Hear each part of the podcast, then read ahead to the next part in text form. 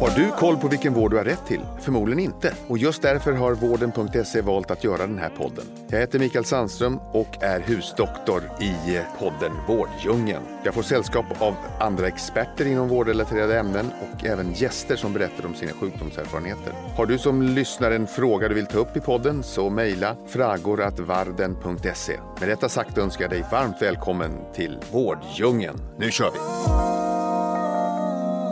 Då skulle jag vilja hälsa er alla välkomna till ett nytt avsnitt av Vårddjungeln med mig, Staffan Gustafsson. Och med mig som vanligt har jag massa härliga gäster och experter.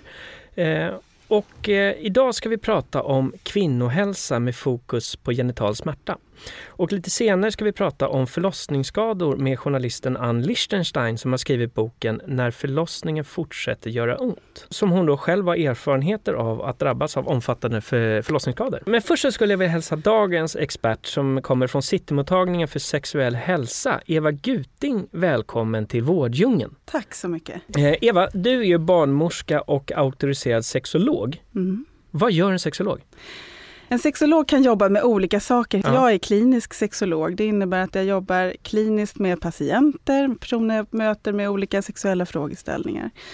Men som sexolog, det är ingen skyddad titel. Det är, att jag är auktoriserad innebär att jag har en slags kompetenskvalificering på, Mm. med en masterexamen i botten.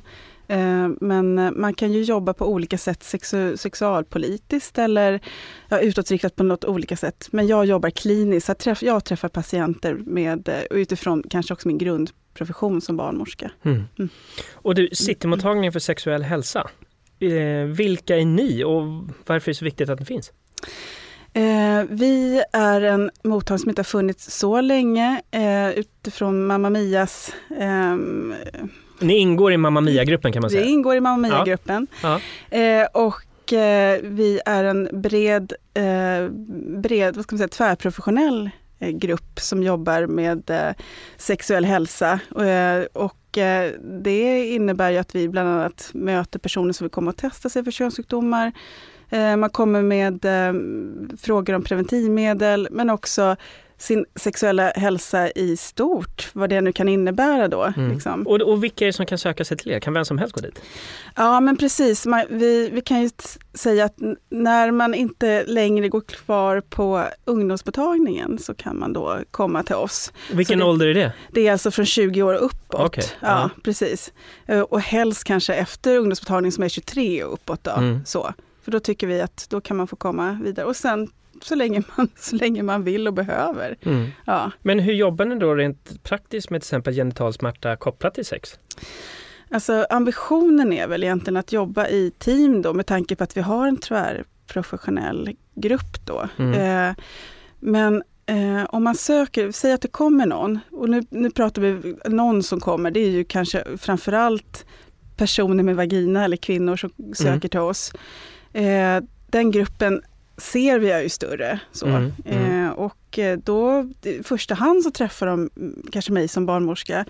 Man gör några bedömningssamtal, man liksom ett kanske mer kartläggningssamtal för att se liksom, hur ska vi jobba med just dig. Mm. Det här är ett ganska stort område där, där man ser också att det är eh, påverkan på liksom en, hel, en helhets... Eh, eh, alltså psykologiskt, fysiologiskt och relationellt sexuellt. Mm. Det är ganska stort.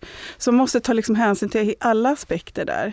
Är det vanligt förekommande att eh, kvinnor har problem med det här? Jag skulle säga att det är en ganska stor grupp. Eh, sen, sen är det ju så att problematiken är ju så eh, att en del kan man ju träffa bara några gånger för ren sexualrådgivning eller, eller, eller att man behöver kanske göra en undersökning och berätta vidare. Eh, och, och, så, och så det, räcker det. Mm. Men sen kan det också vara att det är så större än så, ganska komplext. Man har gått länge, man har haft ont redan från start. Mm. Alltså sexdebut med partner till exempel. Så. Mm. Så. Men gruppen, jag tror att det är ett större mörkertal än vad vi vet. Mm. Eh, för att vi ställer ju diagnoser. Så. Men det gör man kanske inte alltid på alla mottagningar, ungdomsmottagning till exempel. Så. Först det med så genital smärta, Ja. är det psykiskt Mm. eller fysiskt? Eller liksom, hur Nej, ter det sig? Nej men precis, och, och jag märker att jag stannade upp lite grann vid den Ja. frågan, för det är ju verkligen så att det är så det är så stort område. Liksom, när någon söker till oss så måste vi, liksom, vem är det vi möter här? Mm. Eh, man kan ju tänka sig att har man haft ont från start, och då menar jag att man har haft ont första gången man har haft sex med någon. Då är det kanske lite ibland mer komplext, vi kallar det för en primär eh, smärta. Så. Mm. Då kan det vara lite jobb, svårare ibland att jobba med det. Därför att det liksom, man, man vet inget mer, man har haft ont Man har redan inte så från mycket start. att utgå ifrån. Nej, och det Nej. blir kroppen liksom har ett kroppsminne eh, som där, liksom där smärtan har etablerat sig någonstans där. Så, så det är vad man vet. Och då Mm. pratar lite grann vad forskning visar också. Nej, men jag ska säga att det blir om inte annat ett psykiskt psyk- psykisk problem. Det blir Mm. psykiska följder om inte annat. Men vi vet också att personer som till exempel har haft depression, ångest eller något liknande psykisk ohälsa sedan tidigare är också mer vaksam på smärta och det innebär att det, det, det blir, den aspekten måste man jobba med, framförallt nästan. För är man rädd för att det kommer göra ont framöver, då tar det över så pass mycket att det är lite svårare att jobba med. Mm. Så att vi jobbar ju ganska mycket med att man måste vara i kroppen, så att vi känner liksom, jag är i min kropp. Eh, har man ångest så, så är man oftast inte det och det, tankarna börjar fara och så vidare. Mm. Så, eh, så att eh, jag säger att det är, vi, det här, apropå teamarbete så behöver man oftast jobba i en helhet med team. Och vi remitterar även till fysioterapeut ofta, för att de jobbar väldigt mycket bra med bäckenbottenspänningar och Mm. eh, alltså hela kroppen Mm. på ett annat sätt. Men, och det mörkertalet, kan det ha att göra med att många kanske tycker det är genant? Eller att det är för privat eller att att de inte vet att det finns helt enkelt? Ja, men jätte, ja, jättebra fråga. Eh, dels så tror jag kanske att man inte vet var man ska ta kontakt någonstans. Mm. Ehm, och att man eh, har börjat någon, någon gång i, i livet. Säg att man söker när man är tonåring och eh, kanske inte blir tagen på allvar. Mm. Eh, någon har skrivit ut något l- svampmedel eller Mm. man liksom kanske inte har känt att man blivit lyssnad på. Och så går det några år eh, och så tänker man att nej, men det där ger sig kanske.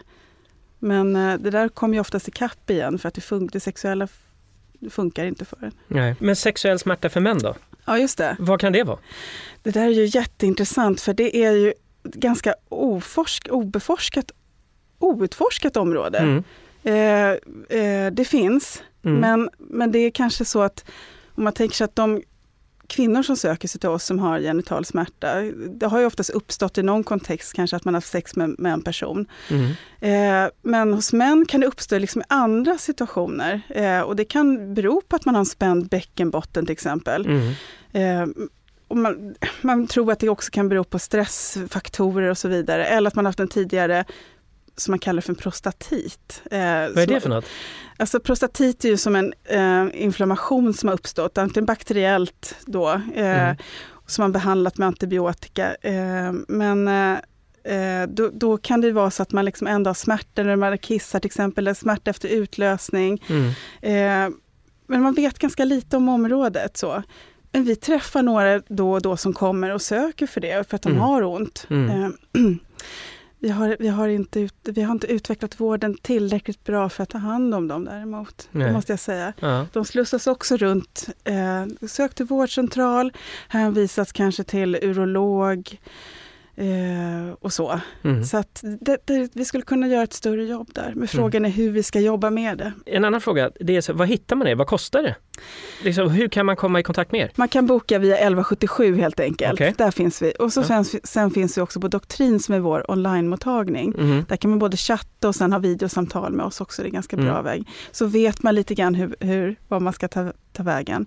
Mm. Eller så kan man nå oss också via eh, ljudmottagning eller det telefonnummer på vår hemsida. Så det finns massa vägar in till er. Ja. Och vad kostar det att gå till er då?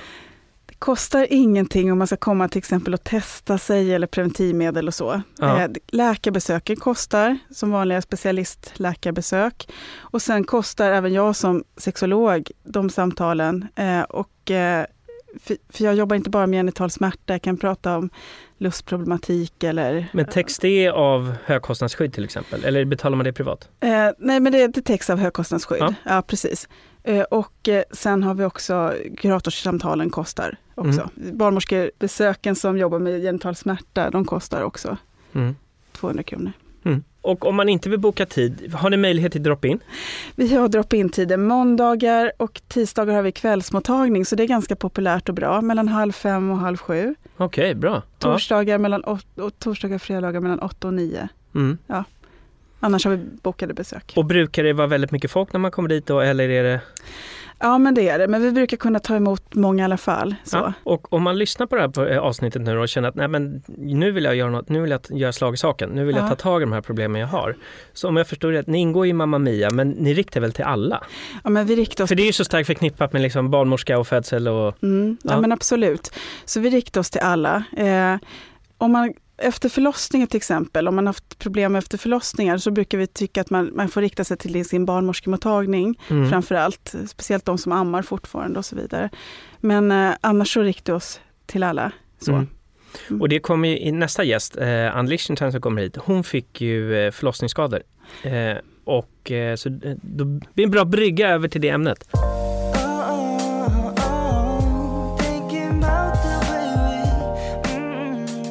Då skulle jag vilja inleda med, vi har fått in en gäst i studion eh, och det är Ann Lichtenstein. Hej! Hej! Kul. Välkommen till Vårddjungeln! Tack, kul att vara här. Och du är här av en lite speciell anledning, för det är så att du har skrivit boken När förlossningen fortsätter att göra ont. Mm, Eller hur? stämmer. Ja. Och där du har intervjuat eh, massa olika kvinnor eh, med erfarenhet av just förlossningsskador och genom just den här boken då kastat ljus på debatten kring det här. Mm.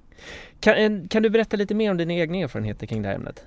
Ja, nej men det började ju med att jag själv eh, eh, fick min första son och jag hade en väldigt långdragen förlossning. Och ehm, jag, i slutet av förlossningen så eh, höll jag på och krystade, väl, eller jag, jag krystade väldigt, väldigt hårt. Mm. Så mycket jag kunde för min barnmorska sa så här, tryck på allt vad du kan. Mhm. Och jag tryckte på allt vad jag kunde. eh, för kung och fosterland, nej men för Mm. hela balletten liksom. Mm. Och eh, eh, jag kände hur någonting gick sönder i mig. Mm. Och i och med det så trodde jag ju att ja, men det här är ju något som de kommer ta hand om. För Mm. att jag sa det direkt, jag bara någonting känns inte rätt. Mm. Men det var inget ljus på alls på, ingen hörde vad jag sa, ingen lyssnade på det här utan allt handlade ju då bara om barnet och det såg friskt ut. Mm. Och eh, ehm, jag eh, fick liksom klara mig själv. Mhm. Och ehm, den här erfarenheten, eh, eh, eller så här, det tog väldigt lång tid innan jag förstod att jag hade rätt. Mm. Att någonting var fel. Mm. Mm. Ehm, men jag eh, insåg att jag vill inte att någon eh, födande kvinna i världen ska behöva eh, gå igenom det här, både bemötandet och okunskapen som finns där ute. Och därför så skrev jag den här boken Mm. Och därför tycker jag att det är väldigt viktigt att vi eh, kastar ljus på just det här. Och vilka insikter kom du fram till då när du intervjuade alla de här kvinnorna i, när du skrev boken, inför Mm. boken?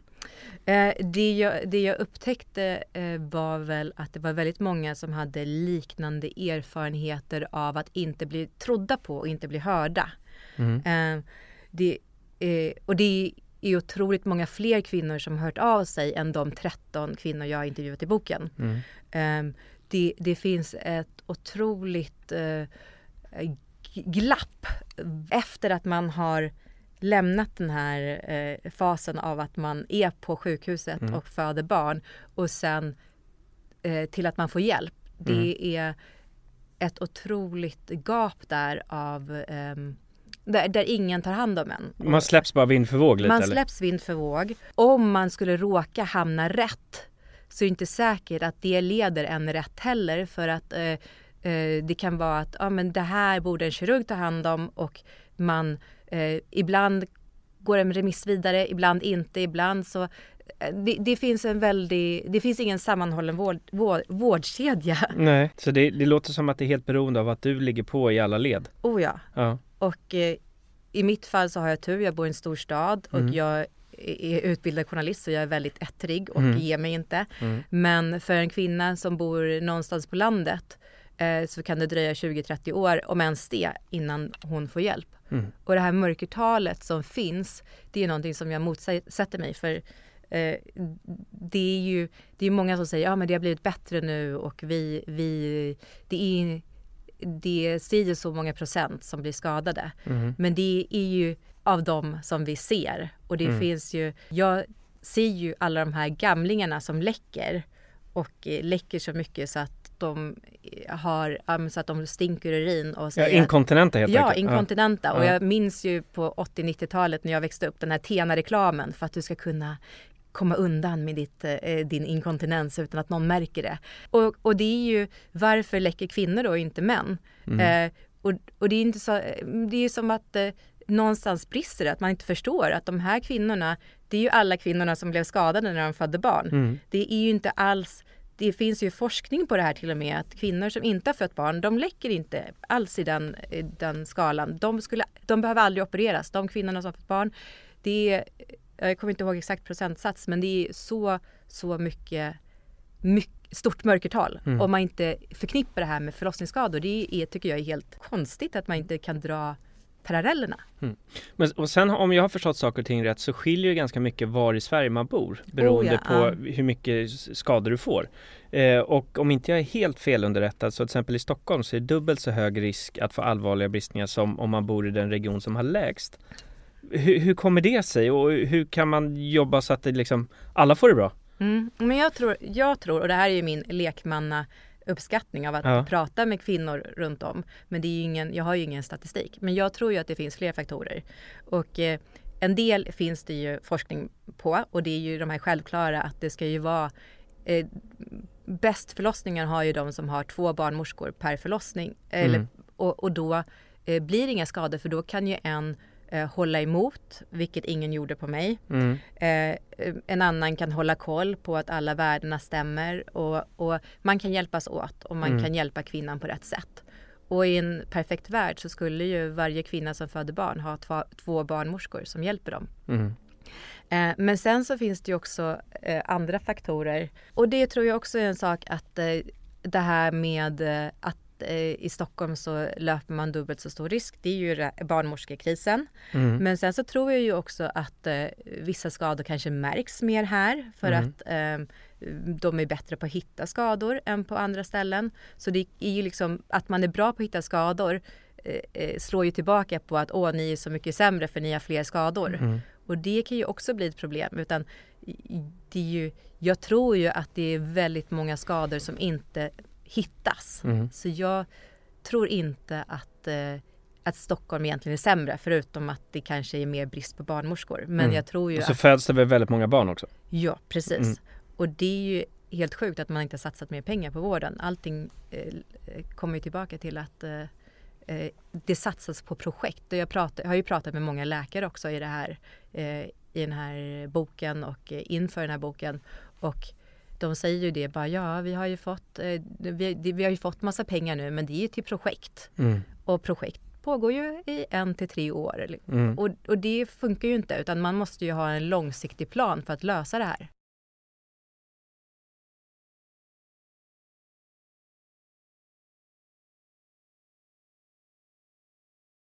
När vi fick vårt andra barn, Mm. av ren flax, för det, det var lite stökigt, Mm. så klev det in en dola där.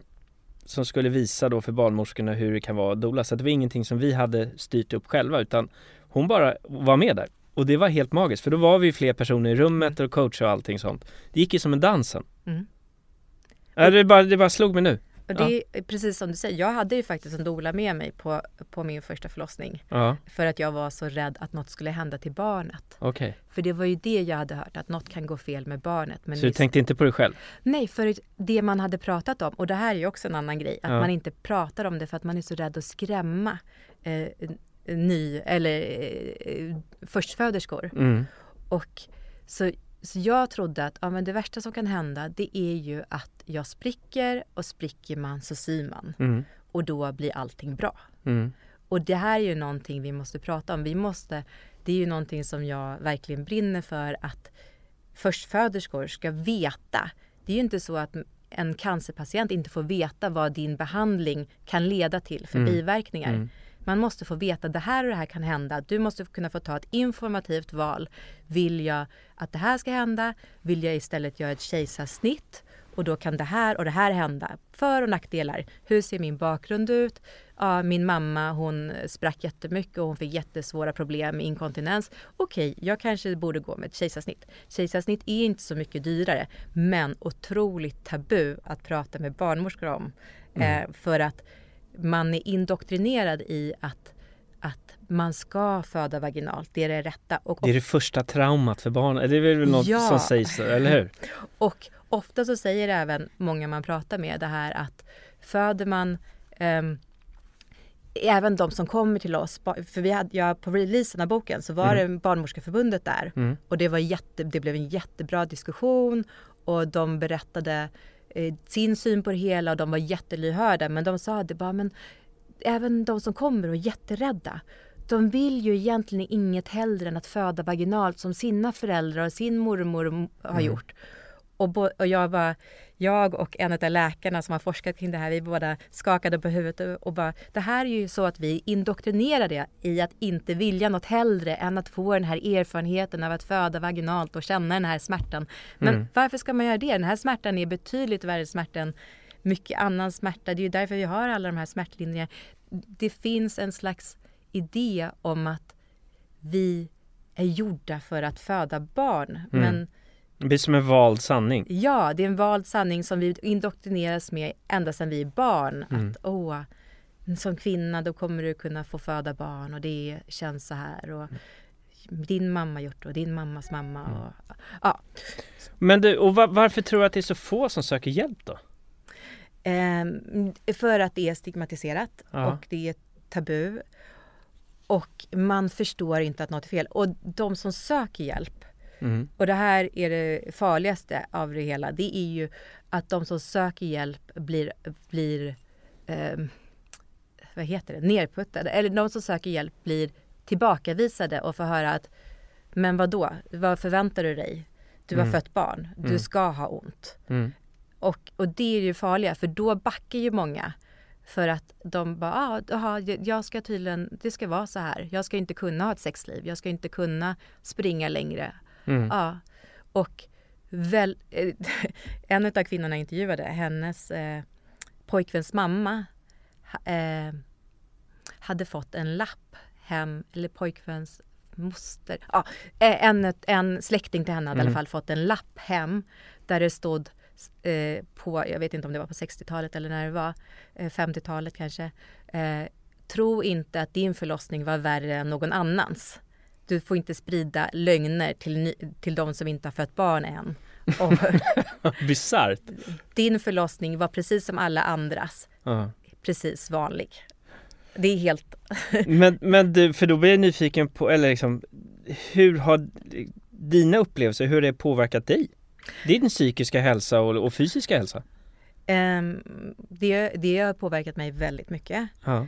Uh, bland annat så i början så kunde jag inte uh, lyfta mitt eget barn för jag hade en sån tyngdkänsla. Mm. Så det kändes som jag skulle, uh, allt skulle ramla ut där nere.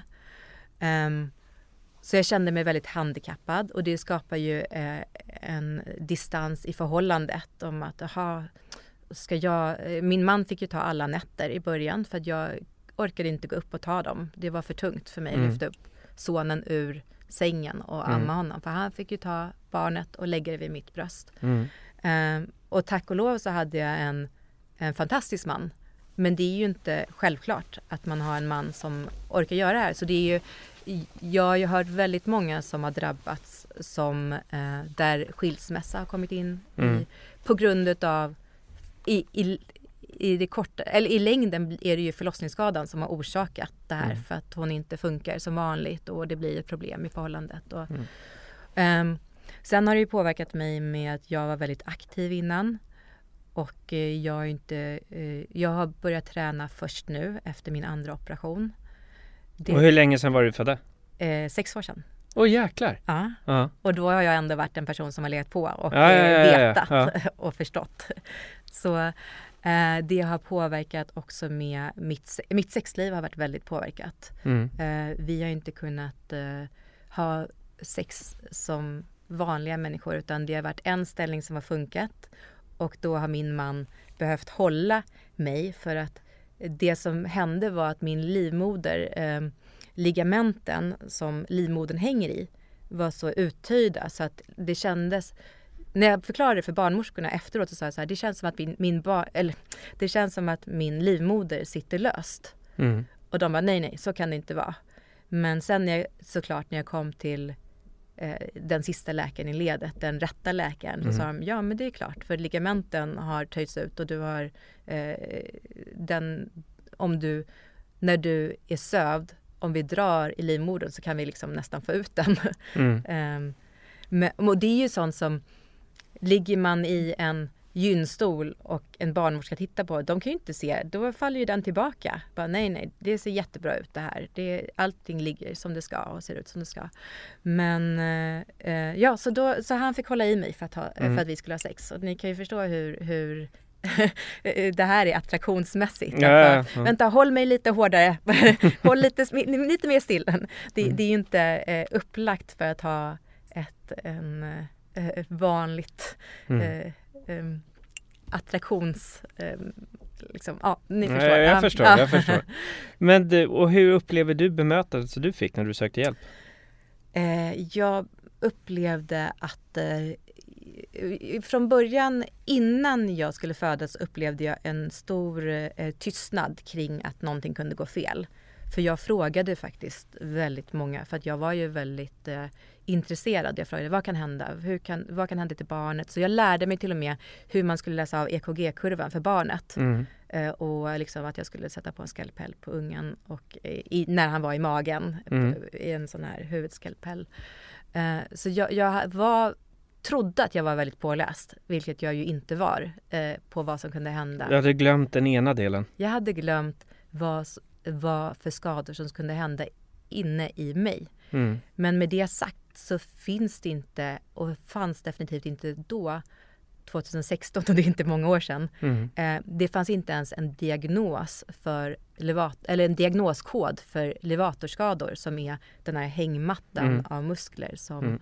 som eh, em, är, är bäckenbotten. Och om det blev en skada på den så fanns det inte ens en diagnoskod. Så det var inte så konstigt att jag inte hittade det när jag letade för att det inte ens eh, kommer in i systemet som en skada. Och jag hade ju en levatorskada kan man ju Mm. berätta att eh, på ena sidan och det betyder att min, den här levatorn, den här hängmattan, den Mm. sitter ju fast eh, på pubisbenet på båda sidorna. Mm. Ehm, och om den släpper från det så kan man inte åtgärda det här.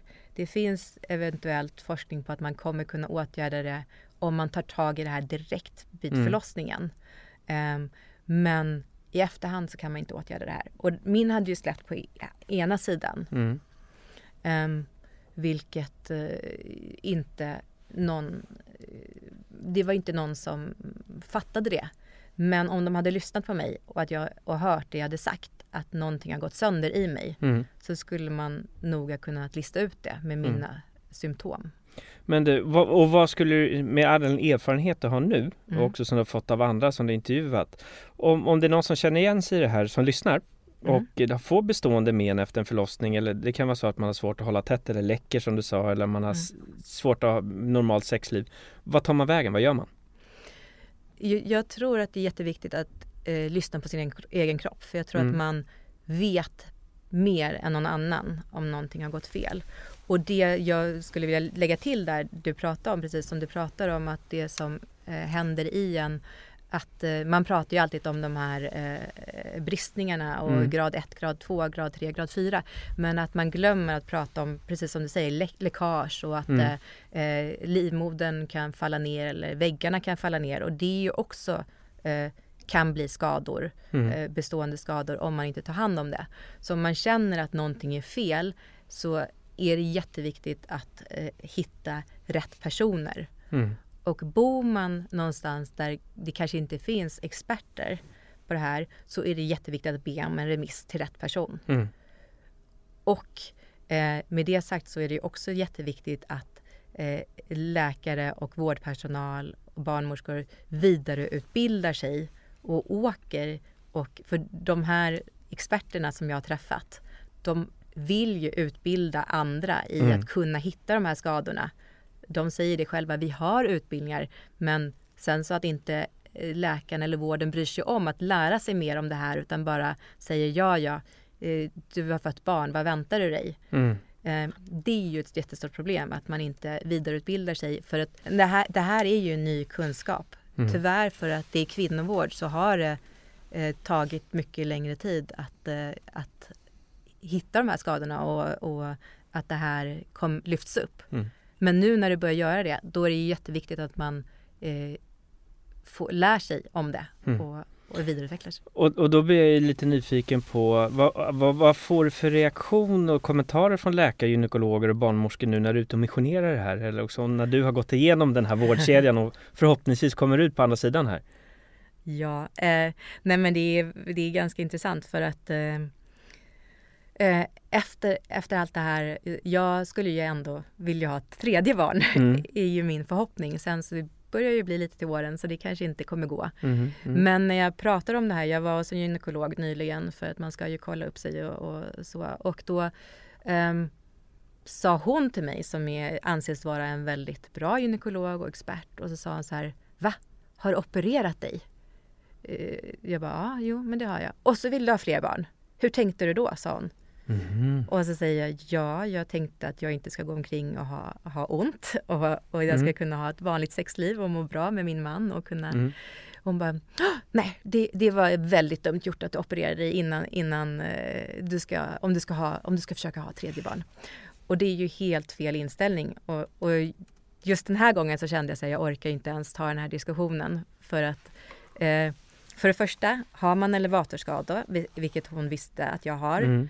Eh, så blir ju skadan sämre om man har ett till barn utan att åtgärda det. Mhm. Så det hon skulle sagt och med facit i hand innan jag födde, för min levatorskada var ju ensidig. Mm. När jag födde mitt andra barn, eh, då eftersom levatorn redan var förstörd så fick jag ju en, en levatorskada på andra sidan. Eh, vilket jag inte fattade förrän för några månader sedan. Okej. Ja. Och det som ju, någon borde ha sagt till mig då, och då hade jag ju inte börjat eh, göra research för den här Mm, boken mm. heller. Ehm, tyvärr. Men det någon läkare eller någon i vården borde sagt att ska du ha till barn med den här skadan, vilket stod i alla mina journaler och det var, Mm, mm. Då, då visste vi ju att jag hade en skada. Borde ju någon ha sagt, du ska göra kejsarsnitt så att inte skadan förvärras. Mm. Och det visar ju all forskning på att har man en skada och ska ha till barn så blir ju skadan värre. Men det är ju fortfarande, man, kejsarsnitt är så, eh, det är något man inte vill prata om. Utan Mm.